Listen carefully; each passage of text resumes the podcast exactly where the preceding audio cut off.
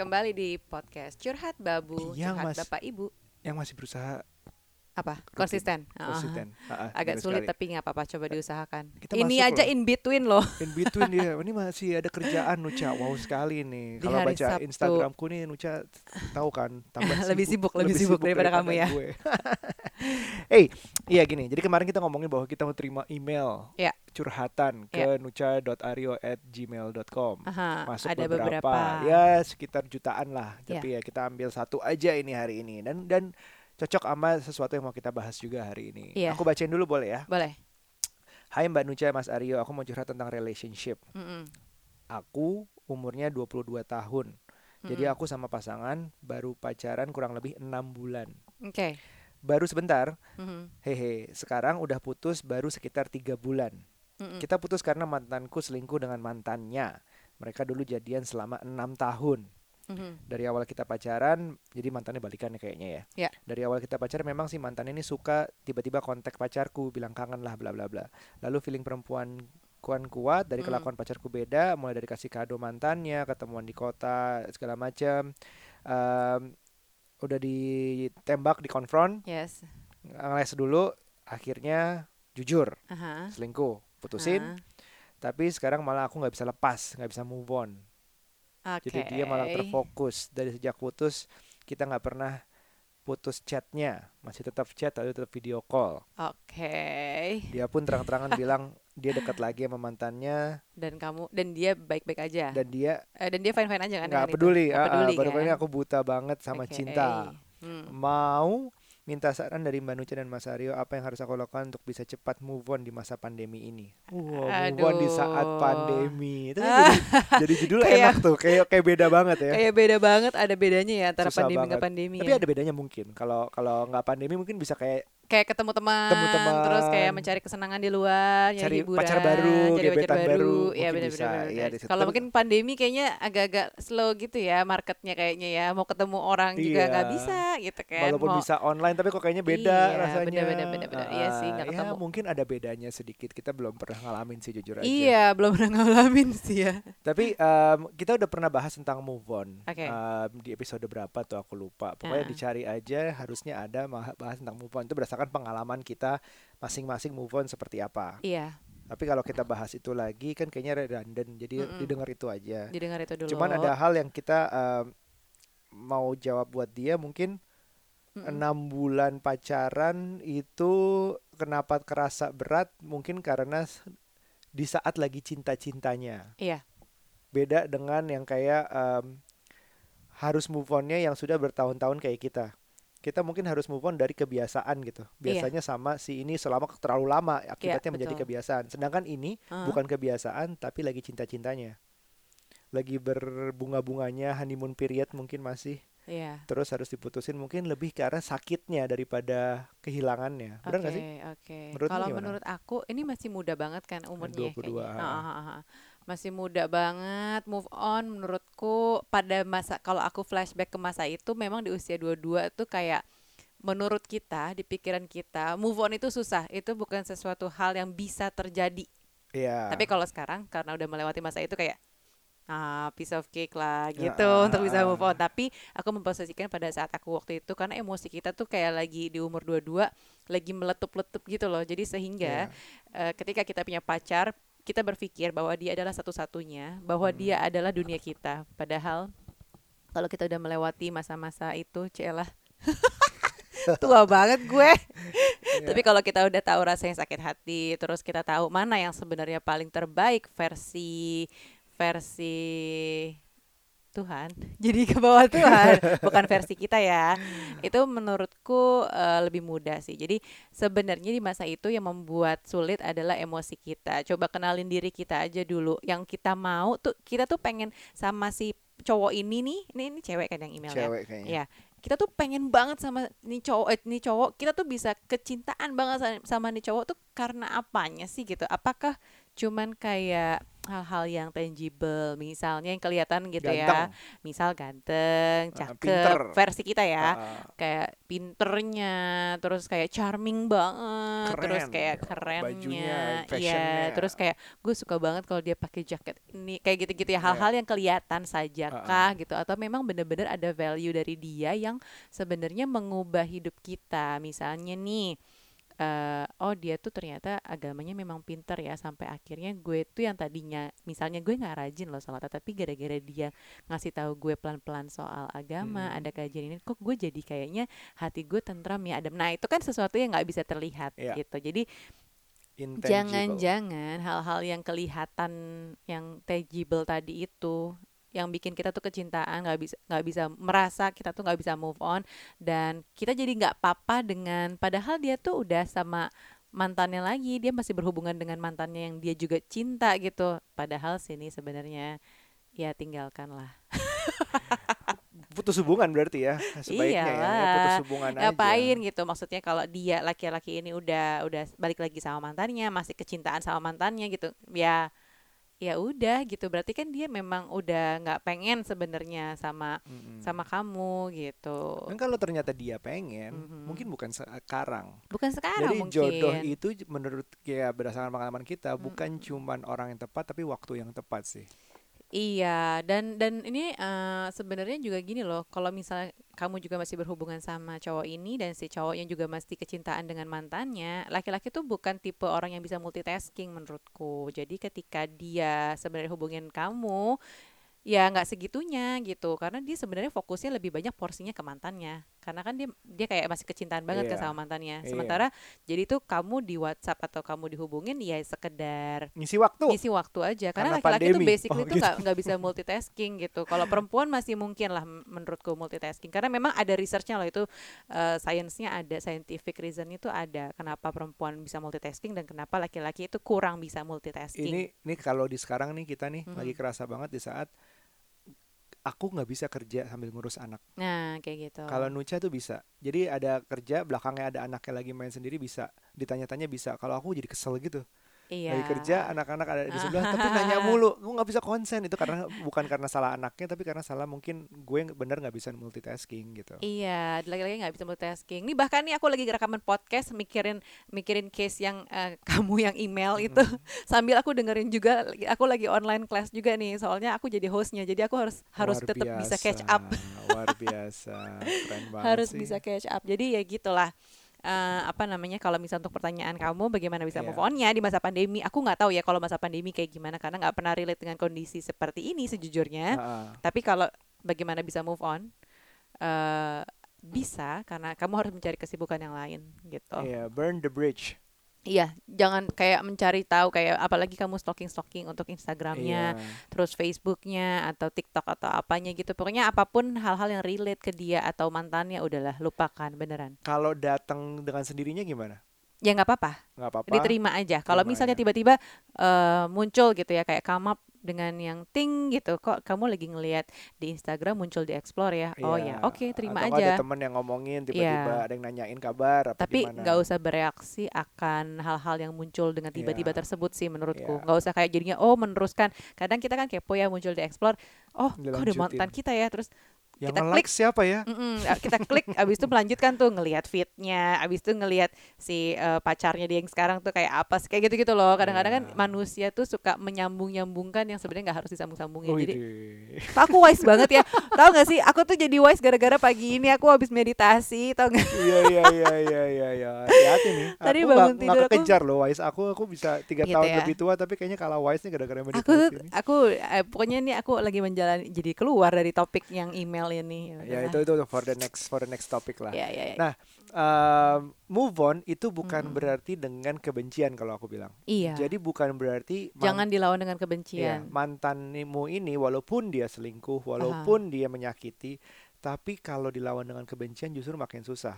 Iya semakin lo benci lo Iya. makin susah ngelupain Dia dia itu selingkuh, dia itu menyakiti, ambil baiknya. Susah banget nih Susah, dilakukan. Cara- Tapi ada baiknya gini, kalau kita hari ini mau bahas yang namanya um, orang-orang yang nggak disangka Mhm. influential in a in an unex- unexpected ways. Mhm. Ngerti nggak? Jadi kita mau nyebut nih, aku udah ini sebelumnya kita belum bilang nih siapa aja. Jadi kayak Oke. siapa orang-orang yang paling influential di hidup Nucha dan Aryo. Gak, gua nanya Nucha, Nucha belum cerita sebelumnya nih spontan. Mhm, mhm, mhm. Tapi bukan yang diduga. Jadi bukan kayak orang tua, oh, orang tua udah pasti influential. Iya. Misalnya uh, salah Pasangan, pasangan kayak kamu sekarang gitu. Ya udah pasti. Anak pun bisa jadi influential Iya buat udah kita. pasti. Sampai misalnya guru dulu apa influential bisa. Iya. Tapi gue suruh Nucha, Nucha suruh gue sama-sama cari tiga orang yang menurut kita influential tapi dengan cara yang aneh. Ya pokoknya mempengaruhi hidup kita menjadi kita yang sekarang. Betul. Gitu. Jadi kalau satu yang kita sebut sekarang Hmm. adalah mantan masing-masing. Yang itu udah kita hubungin sih. Udah kita sebut. Jadi kayak mantan itu mengajarkan hal yang luar biasa secara kita nggak minta diajarin gitu. Iya. Bahkan dengan putusnya, dengan cerainya, Iya. dengan udahannya itu ternyata oh satu ya gue cerai sama bini gue itu em, satu yang perlu banget gue syukuri adalah gue nggak akan jadi orang yang seperti sekarang ini. Mhm. gue tahu banget salah gue di mana gue banyak banget salahnya sama mantan dan gue itu juga ternyata banyak juga salahnya secara general di uh, relationship dan yang seharusnya nggak gue lakuin. Dan itu gue belajar banyak dan itu nggak gue lakuin Hmm. sekarang ketemu Nucha. Saat ini so far Mm-mm, selama 8 tahun. Terus em, ketemu Nucha ini juga gue lebih kuat lagi berterima kasih ke mantan adalah kalau nggak ada dia gue nggak ketemu Nucha lah kasarnya Benar, benar. gue nggak akan ketemu Nucha nggak akan sematang ini mungkin lebih baik mungkin daripada daripada dulu untuk siap ketemu Nucha pada waktu yang memang sudah tepat sudah jodohnya juga so far itu adalah that's why uh, I'm totally grateful kalau kalau aja misalnya mungkin aja dengerin I don't know. I'm grateful I'm sorry for everything but I'm grateful I thank you for everything juga gitu. Jadi mantan itu mengajarkan hal yang unexpectedly impactful. Yes. Benar sih, aku juga gitu sih. Walaupun kayak waktu selama 9 tahun pacaran itu kan kayak kecintaan, aku merasa bahwa aku nggak akan pernah bisa move on dari dia gitu. Dan Mm. ketika putus aku selalu balik ke dia karena menurut aku dia adalah yang paling terbaik di antara yang pada saat itu deketin gitu kan, deketin aku. Dan tapi begitu benar-benar udah putus dan lepas dan bahkan sekarang udah punya kehidupan baru dan masing-masing aku melihat bahwa gila ya dulu tuh jadi kayak lebih banyak bukan self blaming sih tapi jadi mengkoreksi diri sendiri bahwa gila ya dulu tuh gue seemosian itu masa gue cuman gara-gara kayak gitu doang kok gue bisa ngambek ya sama dia ya? Gila Sama, ya. uh-uh. kayak gitu-gitu loh. Jadi kayak justru eh, dengan adanya kehidupan kita dengan mantan itu membawa sekarang tuh kayak lucu banget sih oh Ah. berarti dulu tuh kita emosiannya segitu ya gara-gara itu bisa emosi tapi dulu tuh gue ternyata orangnya kayak gini-gini ya gitu jadi membawa apa ya mengenal diri kita pada masa-masa tertentu sih Jadi eh, iya betul. Ada ada hal-hal yang kayak misalnya sama mantan sama kamu sekarang bedanya. Mm-mm. Dulu tuh ada hal kecil aku nggak suka, aku langsung keluar gitu, langsung bilang nggak suka, langsung apa adanya. emang kalau sekarang kamu Sama kamu aku lihat dulu, bukan pendem istilahnya. Jadi aku lihat dulu, apa tuh ngapain sih dia begini? Eh, Kayak oh ternyata ini. Jadi it could be ah. a huge misunderstanding kalau aku omongin di awal. Ternyata niat kamu nggak jahat atau niat kamu nggak salah. Bisa Oh. aja, bisa hal sederhana deh kamu lihat handphone terus. Heeh. Em, ya udah diemin dulu nih kelamaan. Oh ternyata setelah dia lihat handphone kamu cerita kamu habis eh, pesan inilah atau habis ngurusin sekolahnya Aira lah, Ah.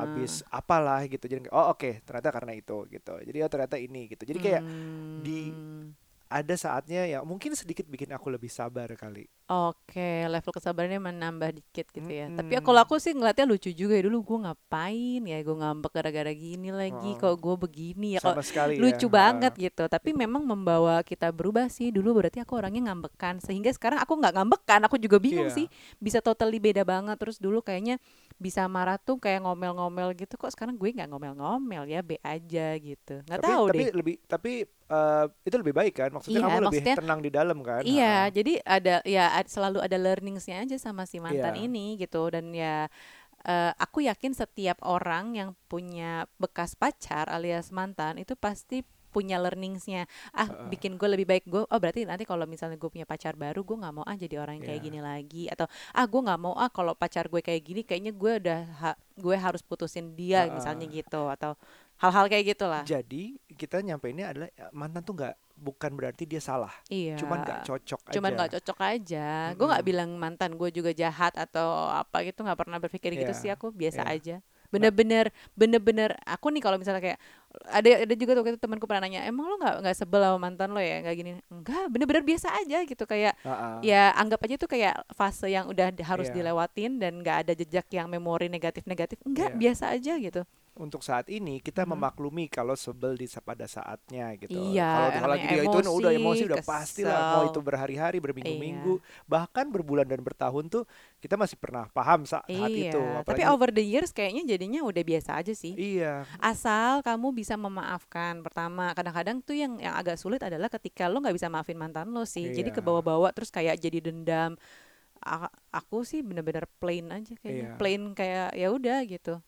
Nggak ada Nah, i- dendam. itu itu itu gampang eh itu nggak gampang Mm-mm. itu harus dijalanin aja kita nggak nggak bisa specified kamu persis harus apa ya Iya. saat ini mungkin try to burn Kalau the bridge saat ini ini. habis itu nanti akan nemuin jawaban sendiri sih harus Iya, pasti aja. nanti kamu akan punya standar pasangan yang lebih baik lah dari mantan kamu. Lebih gitu. cocok lebih mungkin. cocok juga, Mm-mm. kayak gitu gitulah. Jadi jangan jangan eh, ke- bukan jangan juga sih. Maksudnya saat ini pikirkan bahwa eh kalau sudah putus ya sudah, berarti dia bukan yang terbaik saat ini. Mm-mm. Mungkin nanti suatu saat berapa tahun lagi kamu bisa balikan, mungkin udah bisa jadi bisa jadi akan jadi yang terbaik. Misalnya dia Ah. udah berubah menjadi orang yang lebih baik, kamu pun juga Ah. begitu dan bisa nyambung lagi. Ya kan itu nggak tahu ya, who tapi knows jangan gitu. ditungguin ya buang-buang waktu nanti Iya, tapi gak usah yang kayak ditungguin atau berharap-berharap gimana nggak usah. Jadi kayak kamu sambil belajar yang lain aja dan apalagi masih 22 tahun, aku inget banget 22 tahun aku baru lulus eh, S1. Mm-mm. Di 22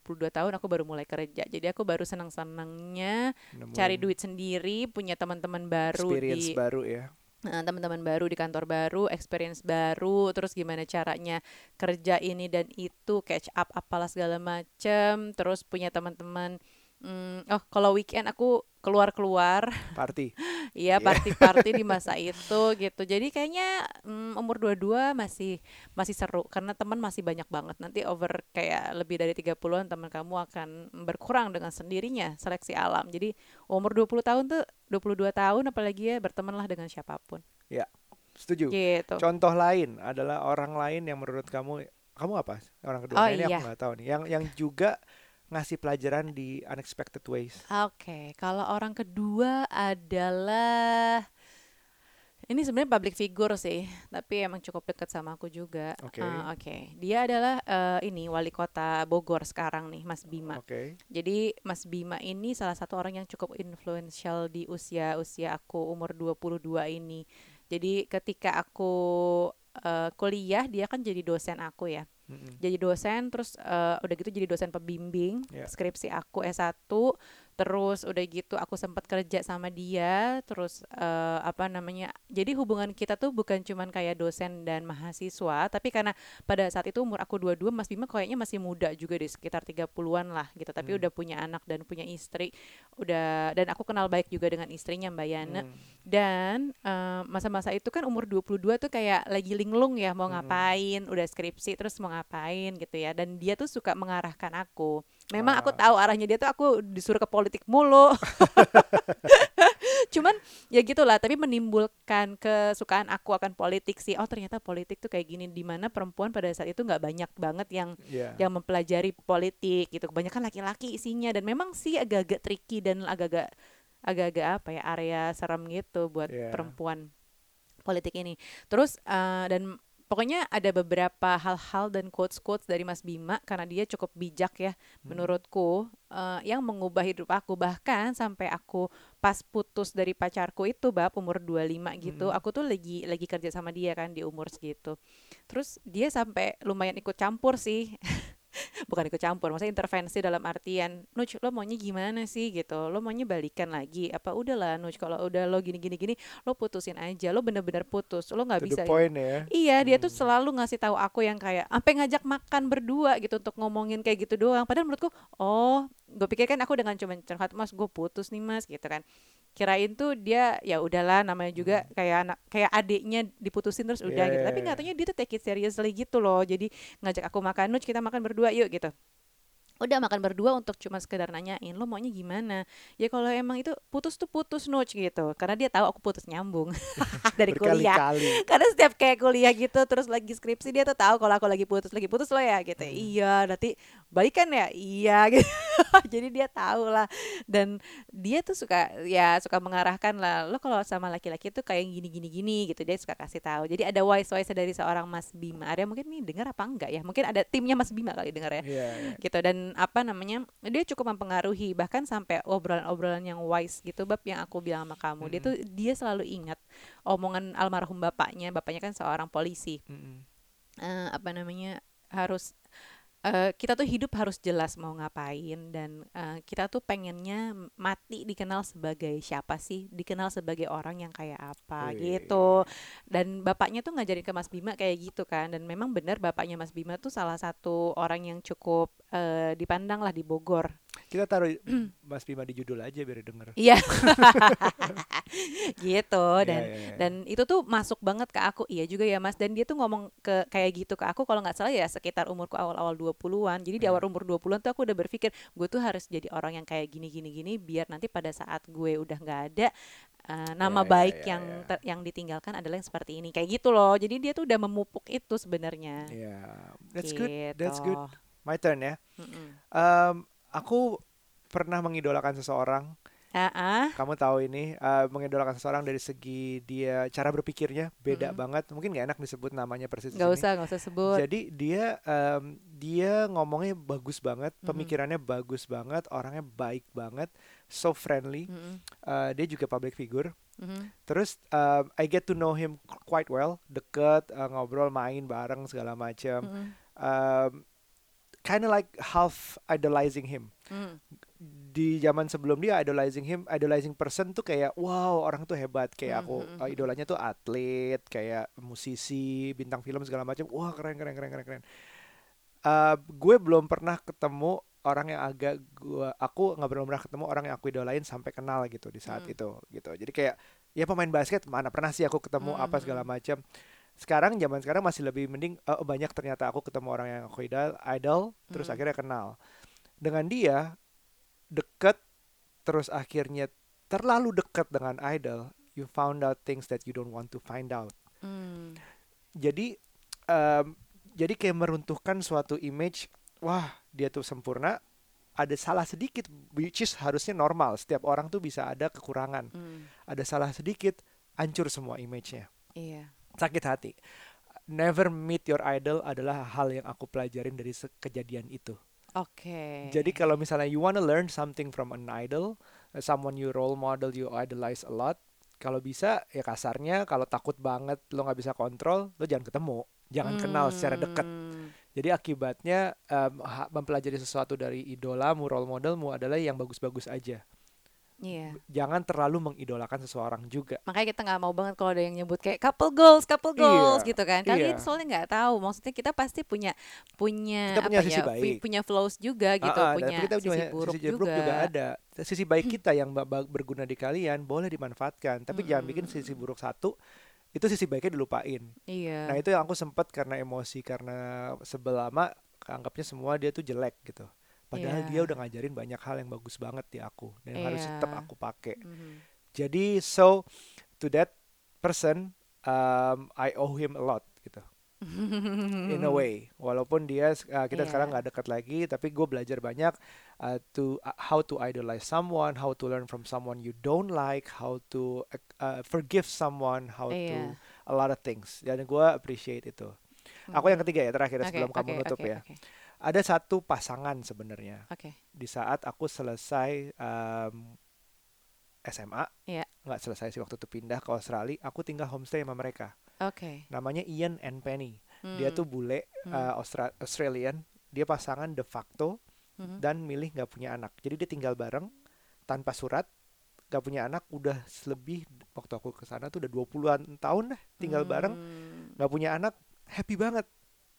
Hmm. Dia kayak mengajarkan banyak hal yang lebih penting dari uh, sesuatu yang tertulis gitu. Jadi kayak Mm-mm. fundamentalsnya mereka dalam pernikahan, dalam hidup bareng, bagaimana dia nggak ada kata-kata persis ya tapi kayak gimana aturannya nah, kayak hidup bule mungkin kalau yang satu masak yang satu cuci piring terus besoknya Hmm. gantian yang lakinya masak Hmm. ini cuci piring gimana mereka uh, take care of things daily routine gitu oh kamu hari ini aku hari ini mau gini-gini nih kamu mau ke mana gini gini gini oke terus um, kan nggak ada mbak di sana ya Iya. gimana ngurus rumah, gimana benerin A, benerin B, gimana mereka berantem. Aku pernah lihat mereka berantem, diem-dieman segala macam, terus solve masalahnya. Gimana mereka menghargai makan malam, uh, duduk bareng ngobrol, cerita hari ini apa. Banyak banget yang aku ajarin values of life dari kehidupan yang beda aja tuh sih. Tapi mereka such a good example. Bukan cuman pasangan bule biasa, tapi pasangan bule yang nggak punya anak dan masih sampai sekarang Nggak aku masih ketemu ya. nggak merit nggak merit dan nggak punya anak masih happy aja juga gitu bukan aku mendukung nggak merit Hmm. bukan aku mendukung nggak punya anak tapi aku menjadi lihat sisi lain dari sesuatu gitu Mm, mm, mm, mm, mm, tanpa mereka harus bilang eh ini nasehat gue ini gue Hmm. udah begini gitu nggak usah jadi kayak hidup sama dia aja gue belajar banyak banget. Dan gimana kayak Ah. eh lu cari kerja dong eh, sambil sekolah gitu. Jadi kayak nggak disuruh cari kerja yang mana pokoknya isi aja dulu cari kerja. Ini cara cara mungkin cara Australians ngisi waktu summer eh, summer jobs atau misalnya part time jobs gitu. Itu kayak gitu kayak gitu leave a mark sih. Jadi kayak aku lebih seneng kayak em, abis itu tinggal sendiri di apartemen apa sama teman ya lebih mandiri lah dengan mereka itu Hmm. walaupun hari pertama begitu nyampe sana begitu nyampe tinggal sama mereka gua aku nangis kan 16 Hmm, tahun hmm, udah hmm. langsung keluar terus pas ya, ibuku pulang aku yang sepian nggak kenal bahasa Inggris nggak bisa apa segala macam gitu gitu Hmm. itu means a lot sih shout out to Ian and Penny sampai sekarang mereka masih tinggal berdua mereka pindah dari Perth ke Sydney mereka tinggal berdua Mhm. Um, udah hidup sehat banget kayak minum jus aja menurut dia nggak baik Oh ya. lebih baik minum air Hah. buah itu dimakan Oh. terus mereka nanam tanaman sendiri di belakang rumahnya Gila boleh banget, seru banget. seru banget dan tanpa mbak segala macam Iya iyalah ya. Dan kamu kapan terakhir kontak sama mereka? waktu mereka ke sini ta dua tahun lalu enggak bukan mereka si lakinya aja Ian kayaknya tahun lalu deh. Kayaknya ke sini ya ke rumah ya. aku makan di PP waktu Kayaknya itu sempet dia ke rumah gak sih dia? Enggak ya? Ke rumah sini Enggak enggak ya? enggak ke rumah sini Kayaknya ada air enggak ya? enggak enggak enggak Enggak enggak, ya? enggak. Eh, ini aku temu di PP waktu itu sama orang tua juga segala macam Oh, oke oke oke. kamu siapa orang terakhir Kalau aku orang terakhir. Nah, ini nih sebenarnya adalah eh, atasan pertamaku pada saat aku kerja. ah, iya, iya, iya, kamu Jadi cerita. ah, Ah. kalau tadi kan ini versi eh, pertama aku mantanku tadi, kedua Ah. itu adalah Mas Bima Arya yang kebetulan mungkin dia public figure dan seorang tokoh gitu kan. Eh, dan yang ketiga ini sebenarnya dia bukan tokoh gimana-gimana, ah. cuman dia tuh atasan aku langsung pada saat aku baru lulus S1. Jadi ya umur 22 23 yang kayak tadi ceritain ini itu ya? bener-bener ini tuh pekerjaan pertama aku yang Ya. aku nggak tahu mau ngelamar apa, mau kerja di mana. Ya udah deh yang ada Mhm. dulu deh yang job vacancy di mana ternyata ini di sebuah bank. Ya. Sebuah bank internasional yang nggak pernah tidur itu. Semua Gitu tahu, kan, ah, dan ah. ya udah aku tuh bener-bener nggak tahu sama sekali kerjaan apa aku taunya ah telemarketing nggak mau ah kerjaan kayak gitu-gitu ngapain telepon yang aku teleponin tolak-tolakin. iya kan tolak-tolakin tapi ini ternyata agak sedikit berbeda walaupun tetap sama kayak jualan kartu kredit tapi buat para bos-bos levelnya BOD BOD gitu Hmm. jadi ternyata eh, dia adalah Mbak Saka mungkin nih Mbak Saka nggak tahu denger apa nggak ya dulu tuh Mbak Saka eh, seniorku juga di di di Hmm. kampus Mm-mm. dan aku nggak tahu kalau dia dia tuh senior aku jadi aku begitu baru tahu Ya. pas aku ngelamar kerja gitu Iya, iya, nah iya. dia ini menurutku adalah contoh leadership s- contoh leaders yang yang baik lah gitu dan aku sangat look up dan Hmm. sama dia pada saat itu gitu Oke. jadi aku sempat di di Citibank kalau nggak salah hampir dua tahun di sana dan dia jadi userku langsung eh, jadi timnya dia dan aku belajar macam-macam dari hal yang paling bawah. Jadi begitu namanya anak lulus kuliah yang penting gue punya duit mm, dan ternyata nggak sesuai passion gue setelah itu. Dan tapi aku belajar banyak banget. Kayak misalnya ya pertama nih dari ukuran kayak aku ngelihat dia tuh eh, beda umurnya kalau nggak salah tiga tahunan sama aku. Jadi Oke. pas aku umur 23 dia 26 kan. Eh, di umur 26 tuh dia udah levelnya manajer di situ di Hmm. bank ini dan terus aku bikin aku berpikir ih gila seru banget kali ya umur gue kan baru lulus ya nih segini Powerful nih women gitu kan ya kayaknya. ya. Iya, 26 udah manajer, ha. Namanya juga kayak corporate kan. Karena gue selalu berpikir bahwa gue tuh mau kerjanya kantoran aja yang Iya. ada career path-nya Iya. jelas gitu kan. Sistemnya jelas gitu. Nah, wah 26 pas- pasti gue bisa juga nih kayak dia gitu. Apalagi under dia, dia tuh orangnya Ah. kayak ambisius banget dan apa tapi sambil juga dia tuh eh, ya kayak gue banget juga gitu pada saat itu yang Mm. Eh apa namanya masih suka yang keluar keluar buat sekedar hangout masih pokoknya masih gue banget lah orangnya Ah. gitu yang cukup fleksibel bukan yang kayak kaku banget gitu enggak dan ini enak banget orangnya jadi aku ngelihat dia tuh contoh leaders yang oke pada saat itu Heeh. dia selalu lift aku, lift up aku jadi contoh-contoh oh, leaders yang kamu. mengangkat aku untuk selalu dia apa dia selalu kasih exposure buat ke bos-bos. Bahwa ini Hmm. ada Nuca loh di bawah gue ini ada Nuca nih. Pokoknya dia selalu mention aku. Nah itu tuh bikin aku jadi kalau aku punya tim kayak saat ini aku selalu mention timku. Jadi aku nggak mau kayak one man show. Jadi Iya, setiap Wak. apa pun setelah aku kerja di situ buat aku tuh yang penting bukan one man show. Bukan kayak gue ini yang kerjain bukan gue nih Iya, iya, kerjain iya, gitu loh. Taking credits ya. Iya, jadi selalu membiasakan aku untuk lift orang-orang juga untuk up gitu. Jadi bahwa iya eh, iya kalau gue selalu ada bantuan tim gue ini ini ini, ini dan Hmm. thank you buat tim gue dan jadi bikin aku selalu inget gitu bahwa eh, bikin aku selalu grounded bahwa aku tuh punya tim loh yang untuk Hmm. jadi aku tuh misalnya nih aku cukup cukup sukses misalnya pada saat di Parent Talk Iya. karena timku bukan karena aku doang gitu Iya. kayak oh ya growthnya Pa- Parent Talk cepet banget ya gini nih. Ya bukan karena gue doang tapi karena gue punya tim. Ada tim desain ada Iya, tim iya. konten ada tim editor kayak gitu-gitu. Jadi ada tim event dan lain-lain. Jadi menurutku penting sekali untuk leaders tuh ngasih tahu eh, ada siapa sih di belakang lo. Jadi bukan kayak one man show yang gue doang gitu enggak aku belajar soal Dikasih itu tahu tuh benar-benar disebut ya. Iya Maksudnya, benar-benar ah, ah, disebut. ah. jadi, di level bos-bos aja tuh aku yang anak baru bab. iya. Namanya juga baru anak probation apa segala macam. Tapi Mbak Saka tuh kayak ngejual namaku terus gitu. Hmm, that's good. Bagus good. banget Berapa tahun menurutku. Hampir dua tahun aku nggak lama. Sampai dua ta- tapi masih hubungan habis itu ya. Kadang-kadang sampai sekarang masih sih. Masih makan siang, Iya. masih apa gitu ah. Sekarang tapi dia udah pindah ke Swiss kan. Oh, udah di udah Swiss? pindah dia. Oh, wow, jauh gitu. juga ya. Dia berpisah dan dia menikah lagi dengan bule gitu. Ah. Ah, ah. Nah, pokoknya jadi aku look up Mbak Saka as in karirnya dia pada Iya, saat iya, itu iya, gitu. iya. Jadi kalau misalnya aku bilang kayak kayak tadi ini misalnya aku aku look up atau siapa orang berpengaruh ya pada saat itu ya yang sekarang mungkin belum terlalu berpengaruh juga mungkin sama Iya, orang-orang tersebut. Cuman pada iya, saat iya. itu menurut aku berpengaruh. Jadi aku belajar bagaimana leaders tuh Iya. bisa lift up orang lain. Terus kedua, eh, gimana aku tuh eh, Mbak Saka tuh menjadi apa role model buat aku di usia ah gue nanti umur sekian pengen kayak Mbak Saka. Waktu itu tuh aku kayak Iya, gitu. iya, iya, Ngebayangin iya. 26, ih seru banget ya 26 udah jadi manajer karena di bayanganku dulu Iya, namanya aku fresh manager, graduate. ah. Oh, manajer tuh usianya 30-an ke atas, Hmm. 40-an gitu aku loh. tahu kok kamu sampai gaji harus double digit harus double digit. Iya, jadi tuh aku sampai kayak pokoknya umur 25 gaji gue harus double digit kayak gitu-gitu lah. Iya, Itu tuh karena iya. dia gitu kan aku look up dengan dia. Gila ya gitu. Perempuan tuh nggak bisa salah- loh kayak gini. nggak salah juga loh sekarang um, gaji-gaji CEO bank keluar atau VP luar gitu juga ya bisa tiga digit di depan. iya sih, benar benar benar benar benar benar. Iya, jadi gini, tujuannya kita bikin sekarang um, dari move on terus ke orang-orang yang kita unexpectedly influential ini Iya. adalah setiap orang di masa lalu kita yang kita nggak nyangka dia Mm-mm. itu eh, yang ternyata dia nyakitin dia tuh kayaknya jelek kayaknya buruk banget pengaruhnya buat kita Iya. ada hal yang bisa dipelajarin Bener. Selalu ada, ada. hal itu. Dan dia nggak sempurna udah tahu udah pasti. Jadi kayak hal tertentu itu ada gunanya buat lo. Setiap Hmm. orang hadir itu di hidup lo ada maksudnya. Mm-mm. kadang mungkin kita nggak ngelihat maksudnya apa. Kadang kita nggak mendengar nggak melihat dengan benar.